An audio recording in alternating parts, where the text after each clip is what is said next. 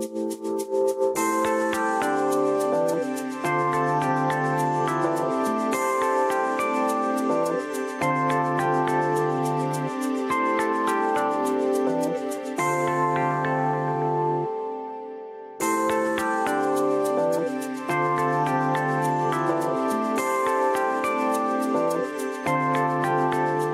deutsche Verein Maria Theresiopolis aus Subotica hat noch im Dezember des vergangenen Jahres einen Deutschwettbewerb ausgeschrieben. Bewerben konnten sich Schüler der Grund- und Mittelschulen aus ganz Serbien und heute, am 25. Januar, findet im Sprachgymnasium Kostolani Daju in Subotica die feierliche Preisverleihung statt.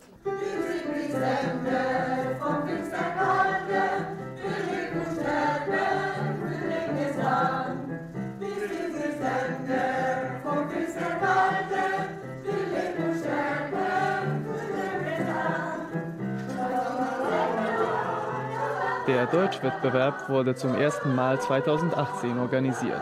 Das Ziel war, die Kinder für ihr Engagement zu belohnen und ihnen die deutsche Sprache näher ans Herz zu legen.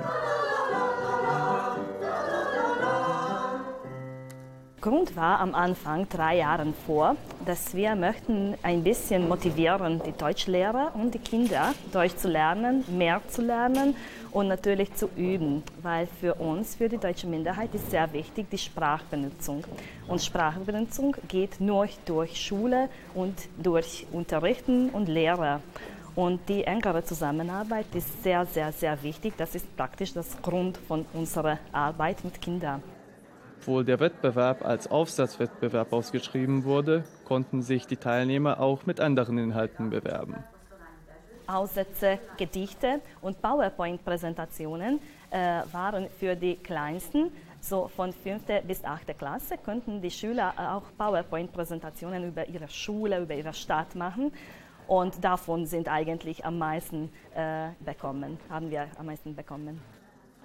Der diesjährige Wettbewerb hat die vergangenen Jahre in jederlei Hinsicht übertroffen. Beworben haben sich Schüler aus insgesamt 80 serbischen Grund- und Mittelschulen und es sind bemerkenswerte 377 Arbeiten von 450 Teilnehmern eingetroffen. Diese Zahlen geben der deutschen Gemeinde in Serbien Raum für Optimismus. Es ist eine äh, sehr große Zahl, weil äh, Deutsch vor allem in den äh, Grundschulen und Mittelschulen als zweite Fremdsprache unterrichtet wird. Und Englisch steht immer an erster Platz und Deutsch kommt immer später. Und diese Zahl zeigt für mich, dass sich die Kinder und die Lehrer wirklich für die deutsche Sprache und Kultur interessieren. Und das war auch unser Ziel. Bewaffnete Friede von Wilhelm Busch. Ganz unverhofft an einem Hügel sind sich begegnet Fuchs und Igel. Halt, rief der Fuchs, du Bösewicht, kennst du des Königs Ordre nicht? Ist nicht der Friede längst verkündigt und weißt du nicht, dass jeder sündigt, der immer noch gerüstet geht? Im Namen seiner Majestät, geh her und übergib dein Fell. Der Igel sprach, nur nicht so schnell lass dir erst deine Zähne brechen. Dann wollen wir uns weiter sprechen.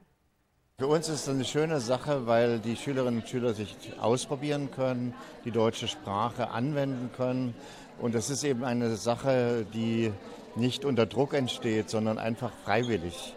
Und das ist eine wichtige Sache, um auch weiterhin die deutsche Sprache zu lernen. Und insofern unterstützen wir sowas immer sehr gerne. Also die deutsche Sprache ist ja in Serbien sehr, sehr populär. Das sehen wir auch an unseren Kursteilnehmerzahlen, an der Anzahl der Prüfungen am Goethe-Institut und auch an der Anzahl der Schülerinnen und Schüler, die an den serbischen Schulen Deutsch lernen. Angesichts der hohen Teilnehmerzahl war die Auswertung der zahlreichen Arbeiten alles andere als leicht. Aus diesem Grund wurde eine Jury erstellt, die die Arbeiten beurteilen soll. Äußerst beliebt waren bei den Schülern die PowerPoint-Präsentationen. Ich hatte ein Raster, äh, da ging es um Layout natürlich, also Farbe, Gestaltung. Die Sprache war natürlich ganz wichtig. Eine Präsentation ist ja nichts, was ich jetzt so wie hier jetzt mache zum Beispiel, sondern man kann es nochmal überarbeiten und kann äh, darauf achten, dass es keine Fehler gibt. Darauf habe ich geachtet. Und äh, dann habe ich den, den Inhalt auch bewertet. Äh, und äh, letztendlich einen Gesamteindruck, so wie ich es in Deutschland eigentlich auch mache. Und ja, ich habe, äh, das waren 80 Präsentationen. Es war sehr schwer, um äh, wirklich die besten rauszufinden. Und ähm, ja, ich war schon äh, begeistert von dem Niveau der Schüler. Es ist sehr viel umgesetzt worden, was wir auch im Unterricht machen. Die Schüler, die sich in ihrer jeweiligen Kategorie als Beste erwiesen haben, konnten sich über wertvolle Preise freuen, nämlich über Tagesausflüge. Die Drittplatzierten sind nach Temeschwar gereist, die Zweitbesten konnten die Sehenswürdigkeiten Budapest bewundern, während die Erstplatzierten einen Tag in der österreichischen Hauptstadt Wien verbrachten. Auch die restlichen Teilnehmer gingen nicht leer aus. Sie gewannen zum Beispiel Buchpreise, Gesellschaftsspiele oder Freikarten in den Zoo. Gledate paletu. Izbor iz emisija na jezicima nacionalnih zajednica.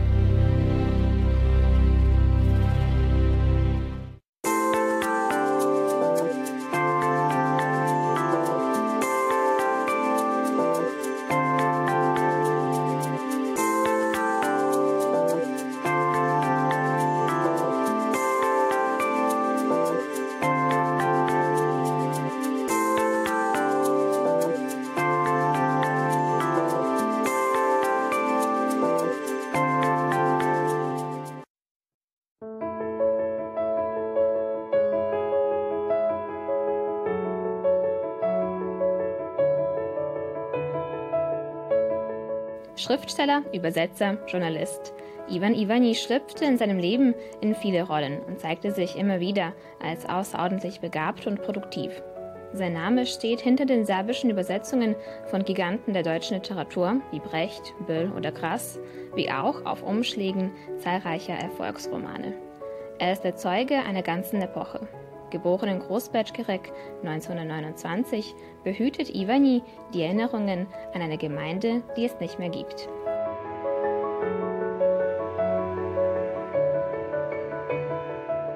Bei mir zu Hause haben meine Eltern mit uns, den Kindern meiner Schwester und mir Deutsch gesprochen, miteinander Ungarisch. Die Umgangssprache war natürlich Serbisch mit der Welt. Also wir haben im selben Satz Worte gemischt und das tue ich noch immer gerne mit meinem Sohn. Ich habe in der Schule kein einziges Kind gekannt, das nicht diese drei Sprachen gesprochen hätte. Ob gut oder schlecht, darauf passt man nicht so auf, wenn man in die Volksschule geht. In Ihrem Familienhaus wurde viel Wert auf die deutsche Sprache gelegt und Ihre Eltern haben sich darum bemüht, dass Sie richtig gut Deutsch lernen. Meine Eltern haben beide extra, sie waren noch nicht verheiratet, in Deutschland Medizin studiert aber waren sich dessen bewusst, dass ihr Deutsch nicht so gut ist, wie es sein sollte. Und äh, das, was unsere Donauschwaben von sich gegeben haben, war auch nicht gerade ein, hm, wie soll man es sagen, ein wunderbares Deutsch. Deshalb kriegte ich ein Kinderfräulein, eine Österreicherin zwar aus Slowenien, von Schludermann. Und deshalb sage ich, wenn man nach meiner Muttersprache fragt, habe ich nicht. Ich habe eine Kinderfräuleinsprache.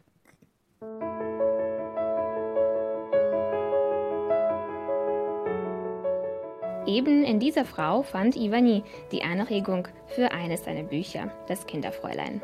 Ein seltenes Beispiel für die literarische Verarbeitung des Schicksals der Donauschwaben aus der Vojvodina. Das Buch spricht auch von der Auflösung des friedlichen Zusammenlebens der verschiedenen Nationalitäten in der Vojvodina angesichts des Zweiten Weltkrieges. Das war für mich ein äh, wichtiges Thema, als ich darauf kam. Ich kann mich jetzt nicht genau erinnern, in welchem Jahr das war, hat der Westdeutsche Rundfunk bei mir ein Feature bestellt. Ich schrieb damals jedes Jahr einen neuen Feature für diese diese Anstalt. Und so kam ich auf diese Idee, zu befragen, alle, die damit zu tun hatten, von beiden Seiten. Und ich habe auch dann viel mit äh, Deutschen gesprochen, die in den Lagern waren, mit deutschen Frauen. Das war zuerst als ein Feature für den Westdeutschen Rundfunk. Dann habe ich einige Fortsetzungen für die Zeitschrift Nien geschrieben.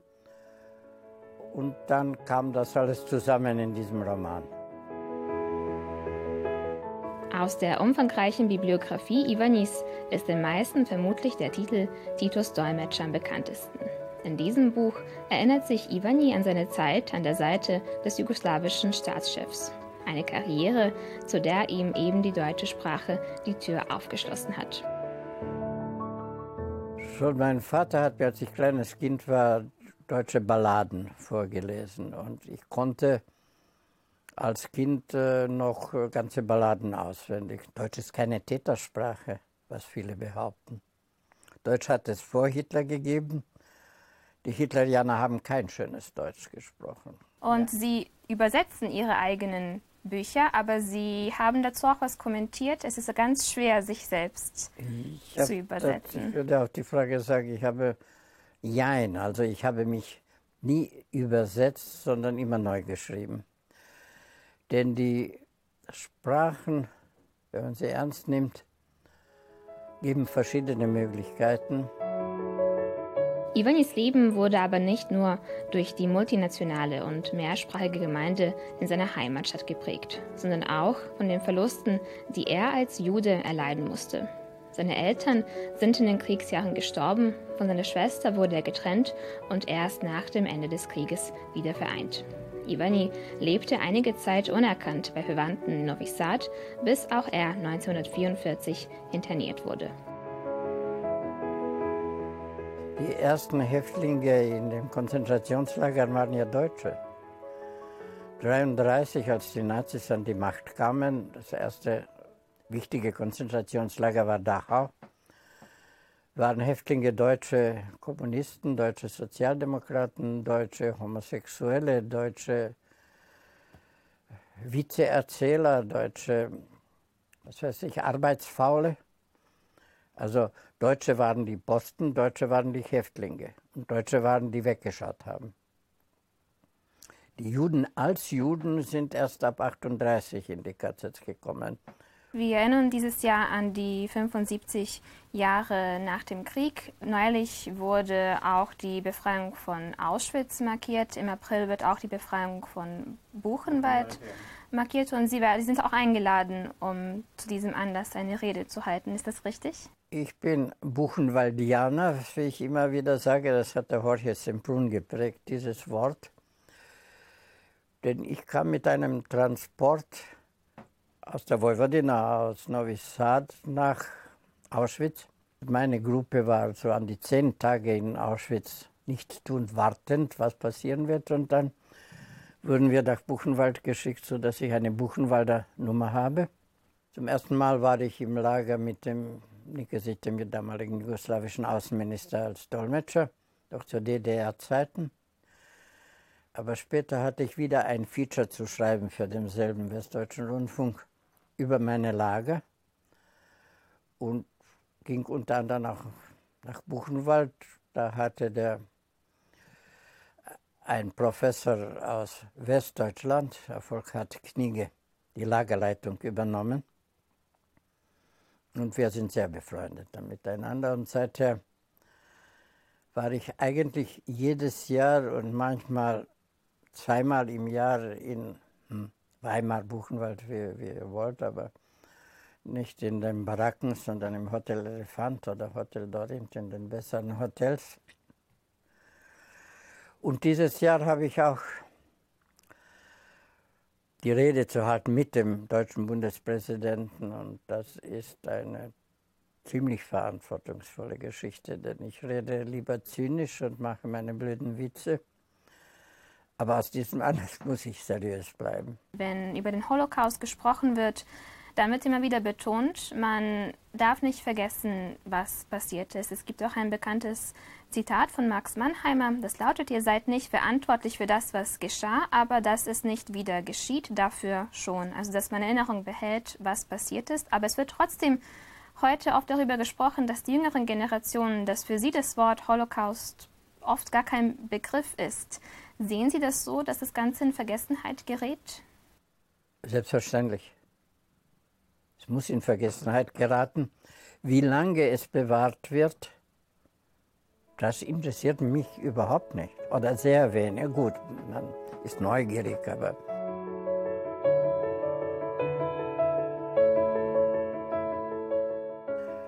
Das geht Ihre Generation an, was ihr behalten wollt, wie lange ihr euch am Wasser erinnern wollt.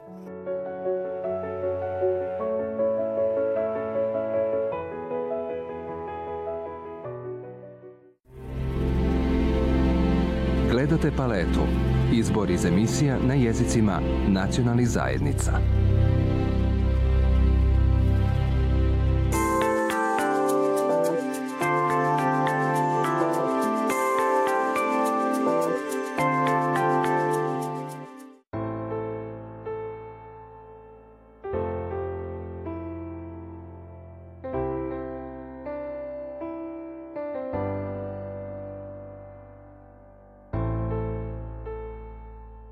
Ettin, Heifeld, Molidorf, Rudolfsgnad, Garkowo, Zerne. Für Hilda Bansky, einer Donauschwäbin aus Kikinda, sind das diejenigen Orte, die ihre Kindheit und ihr späteres Leben für immer geprägt haben. Im Alter von nur vier Jahren wurde sie mit ihrer Familie ins Lager verschleppt und sie musste die nächsten vier Jahre in sechs unterschiedlichen Konzentrationslagern verbringen. 1998, 50 Jahre nach ihrer Befreiung aus diesem Albtraum, schrieb sie ihre Erinnerungen nieder unter dem Titel Bilder aus meiner Kindheit. Sie hat den Tag, an dem ihre Kindheit ein Ende nahm, niemals vergessen.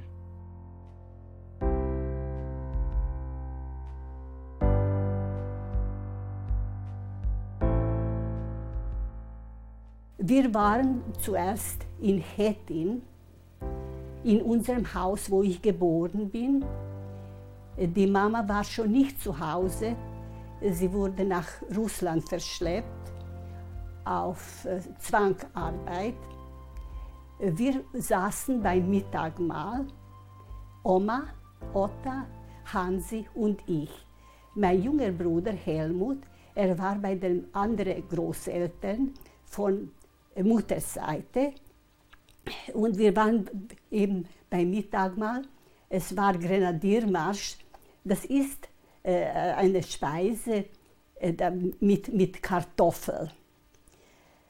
Und auf einmal haben wir einen großen Lärm von, von der Gasse gehört. Es, es kam rein, später haben wir das gehört, dass das Partisanen seien. Äh, und unser Hund hat sehr gebellt, da es, es so, so alles laut war. Otta ist gleich raus und wir sind auch zur Türe raus und da waren sie schon äh, drinnen äh, mit Gewehr. Und, und, und sie haben mein, mein, unseren Hund Sidi geschossen, weil er gebellt hat. Und das war so grässlich. In Blut unser schöner weiß-schwarzer Sidi. Das war für uns Kinder schrecklich, schrecklich.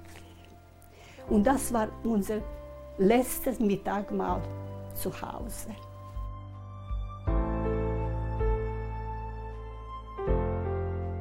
Danach folgten vier Jahre gezeichnet von Kälte, Hunger und Leid. Der Angesicht des Todes wurde für das kleine Mädchen zum grausamen Alltag.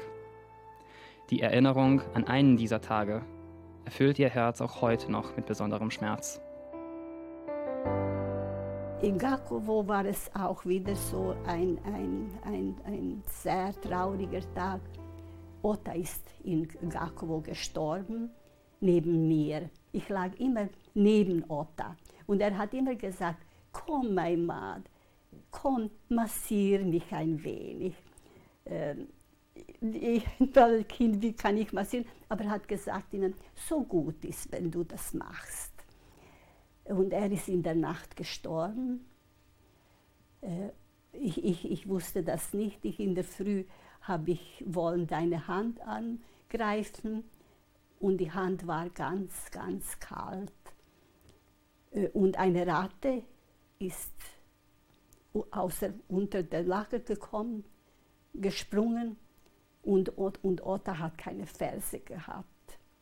In der Nacht ist das passiert in Gakowo sind 8000 äh, gestorben. Äh, in diesem Jahr, als man hier ein Denkmal für, für die Opfer gestellt hat, dann war ich auch dabei und dachte, Jetzt habe ich meinen Opa, jetzt habe ich ihn beerdigt.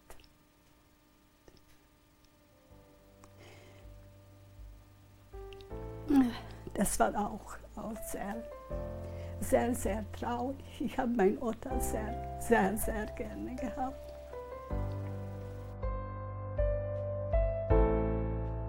Nach vier Jahren dann endlich die Rettung. Ihre Tante Maria Walter aus Kikinda kam mit einer Kutsche nach Zerne ins Lager und nahm Hilda und ihren Bruder Hansi mit sich nach Hause. Endlich hatte sie wieder ein warmes Heim. Endlich nahm dieser über vier Jahre andauernde Albtraum ein Ende.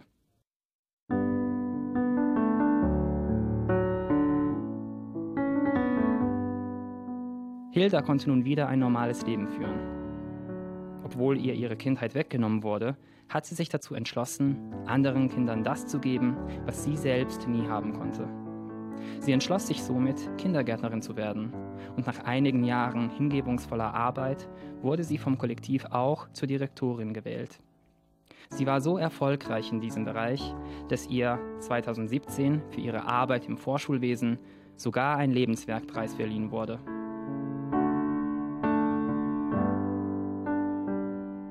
Das war für mich sehr schön mit den Kindern arbeiten und immer den Kindern sagen, sie sollen alles Schöne sehen, alles was schön ist. Sie sollen die Blumen sehen, den Schmetterling auf den Blumen. Sie sollen das riechen, Kikinda äh, im, im, im Frühling. Das Kikinda riecht im Frühling. Das ist so schön. Äh, und schön sprechen ähm, und, und lesen. Alles, was ich nicht gehabt habe als Kind, kein Buch, kein, äh, äh, äh kein äh, Lied, kein gar nichts. alles habe ich wollen den Kindern geben. Ich, ich, ich habe meinen Beruf sehr, sehr geliebt. Äh, und mit, mit, mit den Kindern habe ich sehr viel gearbeitet. Äh, und da, sie haben gefragt, was ich auch Direktorin, äh, ich habe nicht Direktorin wollen werden. Ich, ich, ich habe sehr, sehr gerne mit den Kindern ge, gearbeitet. Und da habe ich gesehen, dass ich viel Arbeit habe und, und dass man das machen muss. Und das ist vielleicht äh, etwas, äh, was noch viel mehr den Kindern helfen kann, als ich mit einer Gruppe äh, äh, erreichen kann. Und so habe ich wieder nach vier Jahren und nach vier Jahren und siebenmal nach vier Jahren das gemacht. Hilde hat ihre donauschwäbischen Wurzeln immer in Ehren gehalten. Und sie hat sich darum bemüht, dass die donauschwäbische Kultur nicht in Vergessenheit gerät. Ihre Bemühungen blieben nicht unbemerkt, den letzten Dezember erhielt sie von der Stiftung Heimathaus aus Sremski Karlovci die Anerkennung für Ehrsamkeit, eine Ehrenauszeichnung, die für sie einen besonderen Wert hat.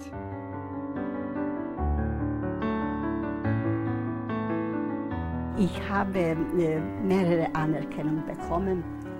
Ähm, ich habe vom Roten Kreuz äh, äh, goldene, silberne und goldene Anerkennung äh, von der Stadt äh, Kikinda habe ich einen Lebenspreis äh, bekommen. Aber dieser Preis für Ehrlichkeit, das ist etwas, etwas, was man nicht immer erreichen kann. Dieser Preis spricht von einem Mensch. Trotz der schrecklichen Bilder aus ihrer Kindheit hat sie den Glauben an das Gute im Menschen nie verloren. Ihre Hoffnungen an die Zukunft möchte sie auch an die jüngeren Generationen weitergeben. Und somit teilte sie mit uns ihren wichtigsten Rat fürs Leben. Positiv in die Welt reinschauen und immer Liebe. Liebe auf dem ersten Platz.